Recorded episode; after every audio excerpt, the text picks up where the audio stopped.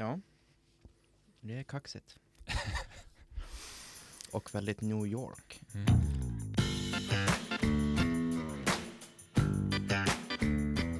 Hjärtligt välkomna till Smarta människor snackar skivor. Podcasten där vi sakta men säkert jobbar oss igenom min personliga skivback. Och dagens gäst är ju en av de smartaste människorna jag känner. Hannu Lampinen, varmt välkommen. Tack, tack. Tack, tack. Eh, Jazz-Nestor skulle jag väl ändå säga. Du, eh, du är lite som Baloo, du har lärt mig allt du kan. Jaha, Eller ja, det, ja. det är så jag Mm. ser det i alla fall, att Ja, om, jag ja. ska, om jag frågar om jazz så är det till dig jag vänder ja, mig. Kul. Ja, jag har ju, jag gillar ju jazz. Det gör jag ju. Ja. Du gillar mycket annat också. V- vad, vad skulle du säga om ditt egna musikintresse? Alltså, det går ju som i, i perioder förstås. Men, men någonstans, jag jag är ju född eh, mitten på 80-talet så att det är mycket hiphop och såna här grejer som man, där, här, eh, som man kanske växte upp med. Eh, men skivsamlingen är ju i princip 60% i alla fall eh, bara jazz. Mm. Jazz är någonting jag började lyssna på när jag varit mer vuxen. Jag förstår. Eh, Mo- mognadssak. Ja, men kanske lite grann. Det kom in med de Mm. tung, tunga stouterna och eh, blåmögelosten. Ja, men ja, ja, men, ja möjligtvis eh, så vart det väl sam, något samband där. Eh, men nu på slutet har jag lyssnat ganska mycket på Steely Dan och sån här eh, västkust-tjafs liksom. Det är lite, lite snällare, eller? Ja, jo, det är ju det. Eh, och det är ju, ja, mjuk, det är ju som, och det var ju också någonting jag inte kunde liksom begripa mig på innan. Eh, varför allting ska vara så putsat och cleant som möjligt. Men jag har som uppskattat det på slutet liksom. Mm. Men jazzen finns där konstant. Den är ju som, eh, det är ju där man, man ändå landar. Hur länge har du lyssnat på jazz, ungefär? Men, Ja, ja, 15 år ungefär har jag väl som aktivt köpt skivor och, Mm. och så. Vart var det du trillade dit? Alltså, ja, jag vet inte. Alltså, när jag växte upp så hade ju morsan hade ju någon sån här Natalie Cole eh, skivor och sånt där som jag också gillar att lyssna på. Eh, det är ju Nat King Coles eh, dotter. Mm. Och det är ju, men, men det är liksom, eh, ja det är ju såna här, de där skivorna det var ju liksom evergreens eh, som, som hon körde sina tolkningar på liksom. Och sådär. Men sen när jag flyttade hit till Umeå någon gång, då var det ju mycket sitta och dricka folköl och eh, kolla jazzdokumentärer med, med en kompis. Eh, i, I någon av våra ettor på Haga. Knullig stämning. Ja men det är ju väldigt, väldigt, Tingsryd 3,5 Ja. eh, fanns ju. Odin eh, före det billigaste på Coop Haga. Eh, så att, och framför, eh, nå- någonstans där eh, ska jag väl säga att jag hittade, hittade som jazzen på allvar. När trillade... När trillade du... När jag trillade dit, När trillade du dit på Mingus? ja, ju- han har väl funnits där i bakgrunden ganska länge. Men det var väl kanske inte de gubbarna jag eh, lyssnade mest på från början. Att eh, den första som, jag, som tog mig an eh, var väl kanske Coltrane Mm. eh, och sådär. Och sen så, men sen vart man ju som, eller nej, det, det är fel. Eh, jag började nog med, jag köpte ganska mycket Thelonious Monk-skivor. Eh, och så följde det med några Charlie Parker-skivor och sådär. Sen kommer jag ihåg att jag hade ju en del Mingus eh, som, alltså i MP3-format. Mhm. Det var ju som fortfarande en grej för då 15 år sedan. Illegalt nedladdat. Ja, jo, jajamän. Och det är jag och min, eh, eller min, min kompis han myntade det där uttrycket för eh, Mingus musik, att det var lite så här biljaktsjazz. Att det var ganska hetsigt och, och, och, och det är det ju eh, bitvis också. Men sen så, ja, sen vet jag inte riktigt, men det var ju den här skivan vi ska prata om idag som var liksom den som satte mig på pallen rejält när det, när det liksom kom till Mingus. Mm. Och skivan vi ska prata om idag är alltså The Black Saint and the Sinner Lady från 1963.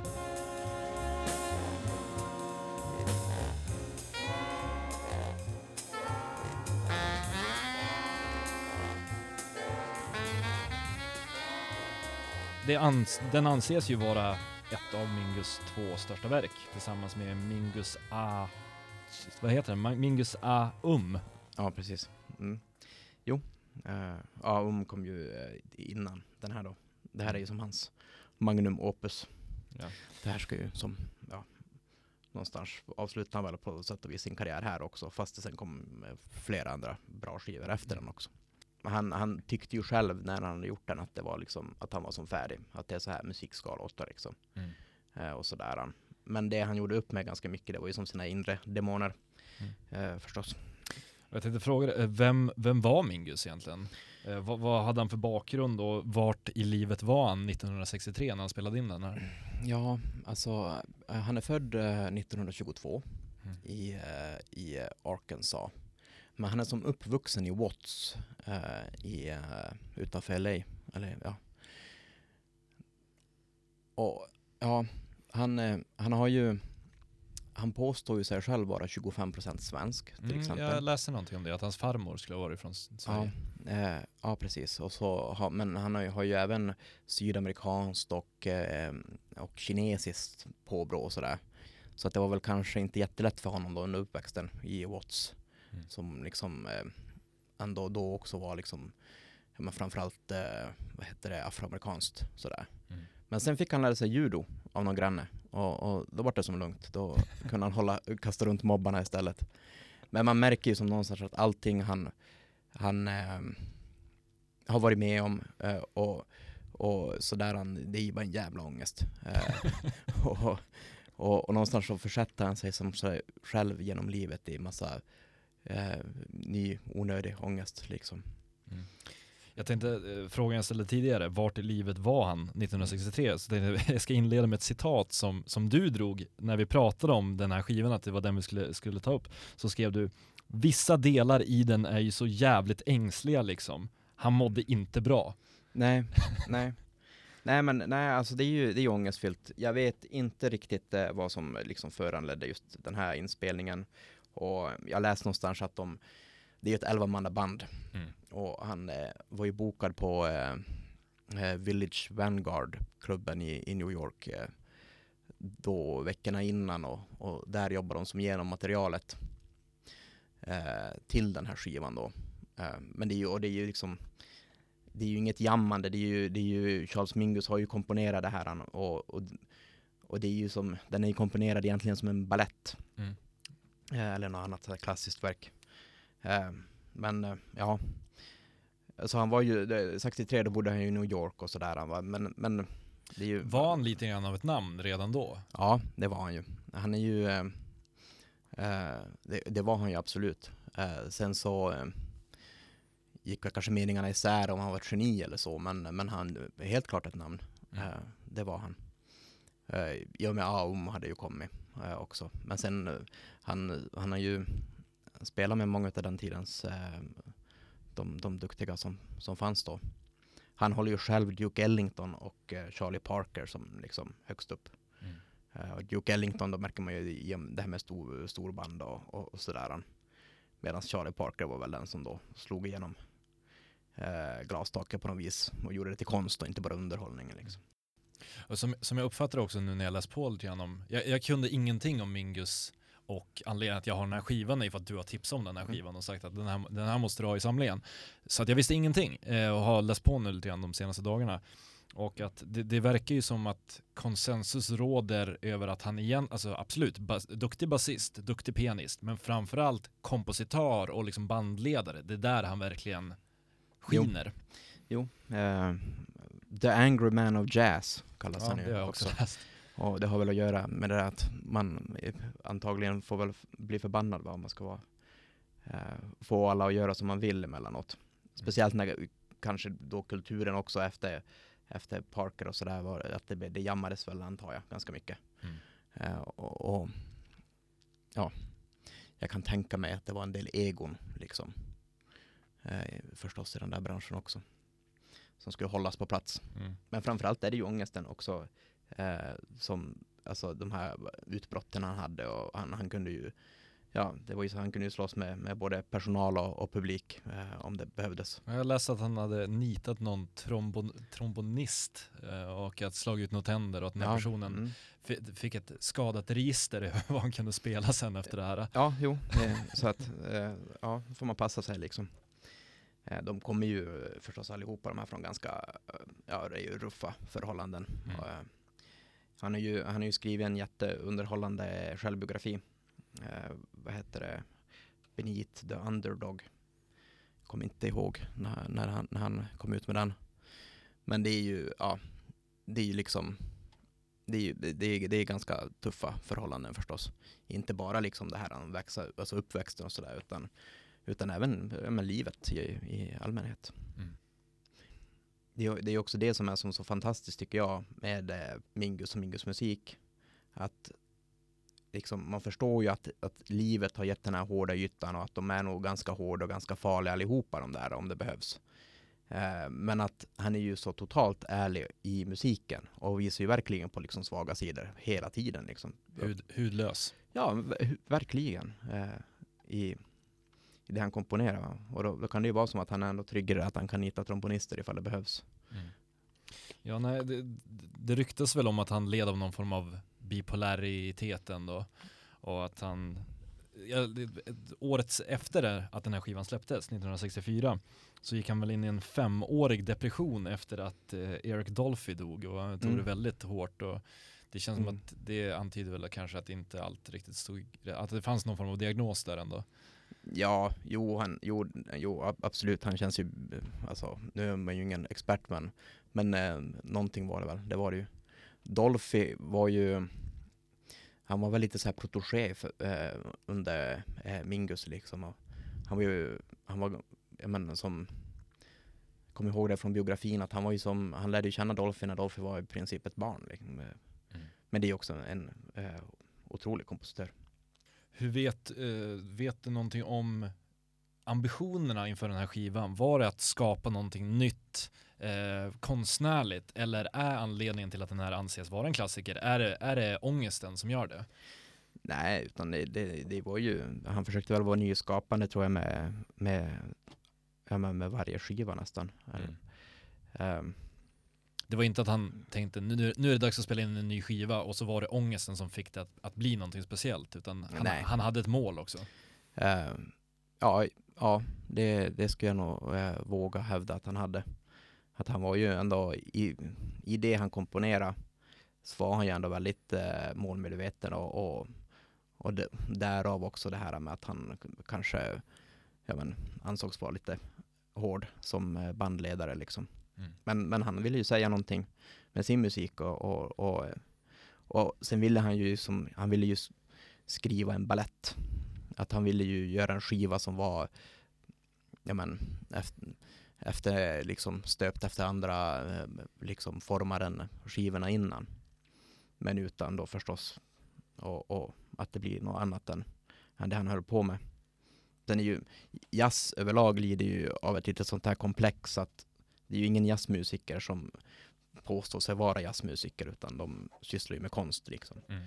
Som den här skivan, det, då har ju han envisats att det ska stå just eh, the new wave of eh, folk music och sen ethnic folk dance music. Att det är som en egen genre tyckte han.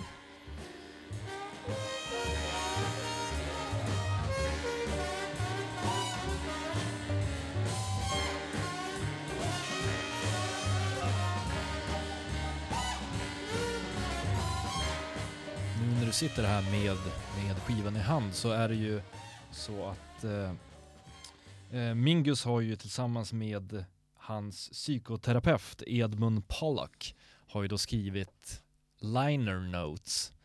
Eh, jag har själv inte läst dem än, men vad, du har koll på det antar jag? Ja, det var ju ett tag sedan jag läste igenom de här förstås, men eh, men det är då eh, Dr. Pollock här menade ju att Mingus ska ju mycket väl vara liksom ja men vara färdig med sitt skapande rent musikaliskt, men att han är ju inte färdig med eh, arbetet med sig själv. Mm. Eh, det är han ju inte.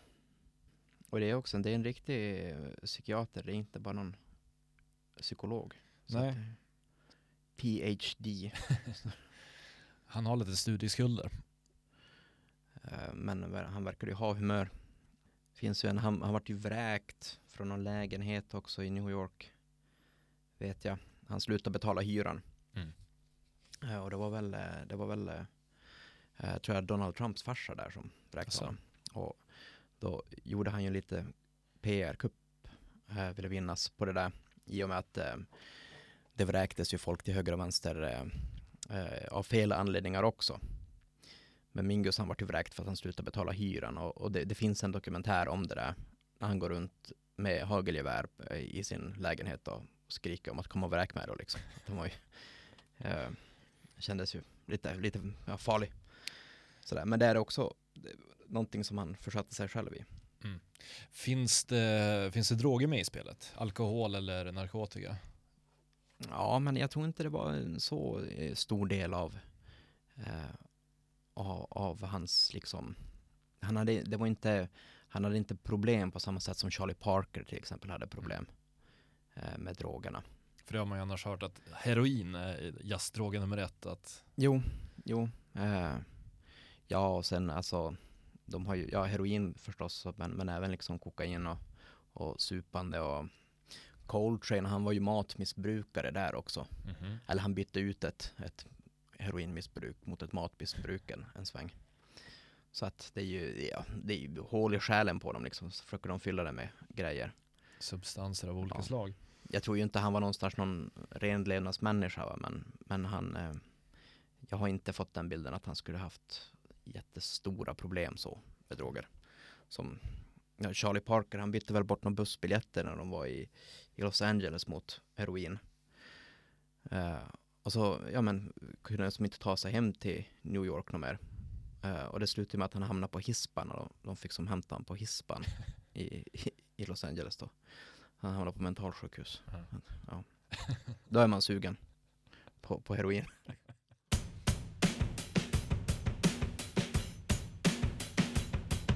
Vad är det då, skulle du säga, som gör den här skivan så unik och eh, ja, vad är det som gör den så bra helt enkelt?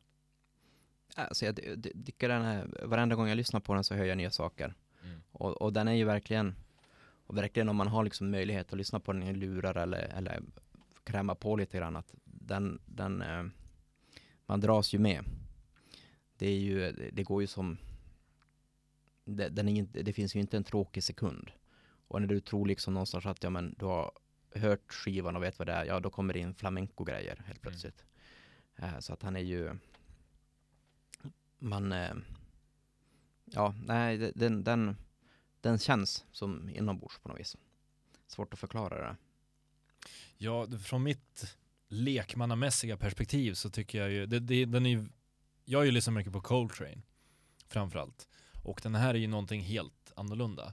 Den är ju, eh, jag vet inte, Coltrane känns ju mer jazz, punkt. Här, här finns det ju andra influenser och, så, och som du säger, en flamenco-gitarr som helt plötsligt trillar in där. Eh, men jag tyckte första gången efter att du hade tipsat om den och jag hade inte lyssnat på den överhuvudtaget förrän jag köpte den. Eh, men jag blev, jag ska inte säga besviken, men jag blev förvånad över hur jag tyckte att den var ändå ganska, eh, jag vet inte, ändå nästan lite enkel.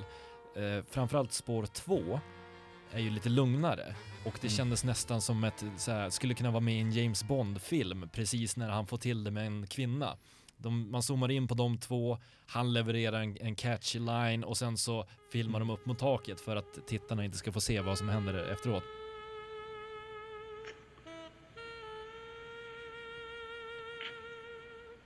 Really do have a magnificent abdomen. Men att man förstår ju att det Ja, hettar precis. till. Det är den här bil, biljaktsjazzen. Ja. Eh, vad heter det? Ja. Eh, Men, men nu när jag har lyssnat på den flera gånger så inser jag att det är ju bara en liten, liten del av, av he helheten. Och det gör ju också att det blir mer av en berg och dalbana. ja, precis. Och sen det är ju de här, alltså det är ju mycket, mycket dämpade trumpeter och, och, och annat blås då. Som fungerar som de här ångestskriken liksom. över den här, alltså basgången är ju, och, och, och det här är ju hela tiden som, ja men, den känns ju nästan som påstressande. Den byggs ju som på hela tiden, och snabbare och snabbare. Och sen kommer de här crescendorna lite här och där. Eh, då, eh, ja men framförallt eh, Mariano då får gå upp i eh, de här riktiga, eh, liksom höga tonerna med, med, med altsaxen. Mm. Så att det, ja, det är tunga grejer tycker jag. Men sen är det ju alltså mycket samtida jazz som till exempel eh, Coltrane. Det är ju mindre, eh, de spelar ju, ja men de är ju tre, fyra, eh, ibland kanske fem. Mm. Det är mindre grupper och, och, och sådär. Eh, Medan eh, Mingus har ju kört mycket storband ändå. Inte enbart men, men mycket storband. Och det är klart du får ju som till du har ju möjligheten att få till någon typ av annan ljudtapet när du har 11 pers. Ja, han har ju plockat in ett helt fotbollslag här. Eh, och sådär. Det var ju Charlie Parker som, det var ju han som gick in på det här med att man bara skulle köra trios och, och fyra och sen skulle man ju, jag menar att, att det var liksom, det var, att det skulle vara mer konst än underhållning och, och, och han ville gå från det här med, med stora eh, band. Eh, som då som, som då egentligen innan fungerade som underhållning i typ vita balsalar. Eh, utan det skulle vara rökiga klubbar och heroin och så jammar man och kör solon. Mm. Eh, men Mingus, han valde en annan väg och Dizzy Gillespie brukar också hålla som en sån här eh, pionjär som också fortsatte med stora band. Eh, men sen då, men, men framförallt Mingus han körde ju då inte bara stora band utan han, även små men, men man märker ju att när han eh, komponerar en sån här grej då vill han ju som inte heller ehm, Ja, alltså han vill ju inte sätta de tyglarna på sig utan Ja. han vill ju att det ska låta jävligt stort. Det är ju plusmeny med extra allt. Ja men verkligen. Ehm, ja. Sen vet jag inte den, den här skivan det brukar väl klassas som någon typ av avantgarde kanske eller något sånt här men, men eh, den är ju svår att sätta i ett fack. Mm. Att det är ju inte de andra ofta, även om de då också kunde byta genre och gå från eh, vad heter det ja men glida mellan postbop och hardbop och, och frias och så vidare så eh, känns det fortfarande som att eh, Mingus är nästan ännu lite svårare att sätta någon etikett på. Men, eh, men jag tycker ju, jag tror ju Mingus kan vara, och, jag, och just den här skivan också, att det kan vara eh, en ganska bra ingång till liksom jazz. För att i och med att den är ju egentligen inte superjazzig så. Mm. Det svänger ju men det är ju de här flamenco grejerna och, och att den är liksom upplagd som, en, som ett stycke klassisk musik. Och så där. Han lyssnar ju mycket på Bach, Mm. eh, Charles Mingus. Så, jag, så, så tror jag att det, det här skulle kunna vara en bra ingång för folk eh, som, som vill eh, närma sig jazzgenren men kanske inte fixar att ta in eh, Coltrane på en gång liksom. Jag fick ju tips av brorsan om Kind of Blue med Miles Davis, att det var en bra Mm. Jo det är det start. Det är nog den, jag tror det är den mest sålda jazzskivan någonsin. Alltså. Kind of Blue. Mm.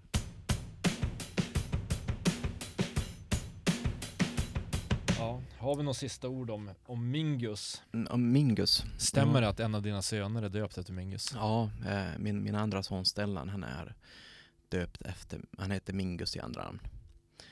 Eh, och det, det- ja, vi hade så många släktnamn vi ville ge.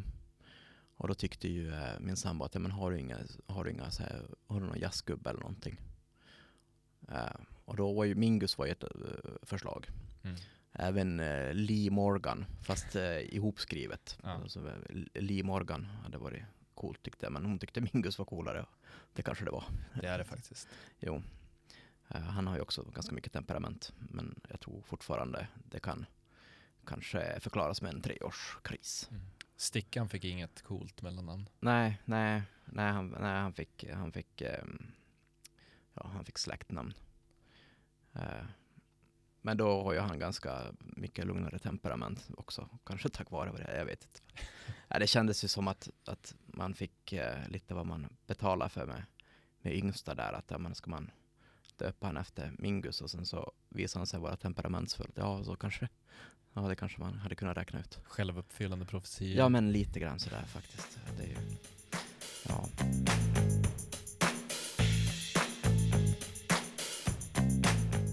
Jag känner att vi kommer off topic lite grann här med Mingus, så jag tänker det är kanske dags att runda av. Ja, det kan vi göra. Eh, stort tack för att du tog dig hit Ja, och du är varmt tack välkommen tillbaka. Då kanske vi pratar om lite hiphop nästa gång. eller någonting. Ja, det får vi göra. Stort tack! Ha det bra. Hej. Hej. Smarta människor snackar skivor är en podd som spelas in, produceras och ges ut av mig, Arvid Wiksell. Jingelmusiken är skriven och inspelad av mig med hjälp av producent Magnus Hägglund. För att ni har lyssnat. Och följ oss gärna på Instagram där vi heter SMSS Podcast.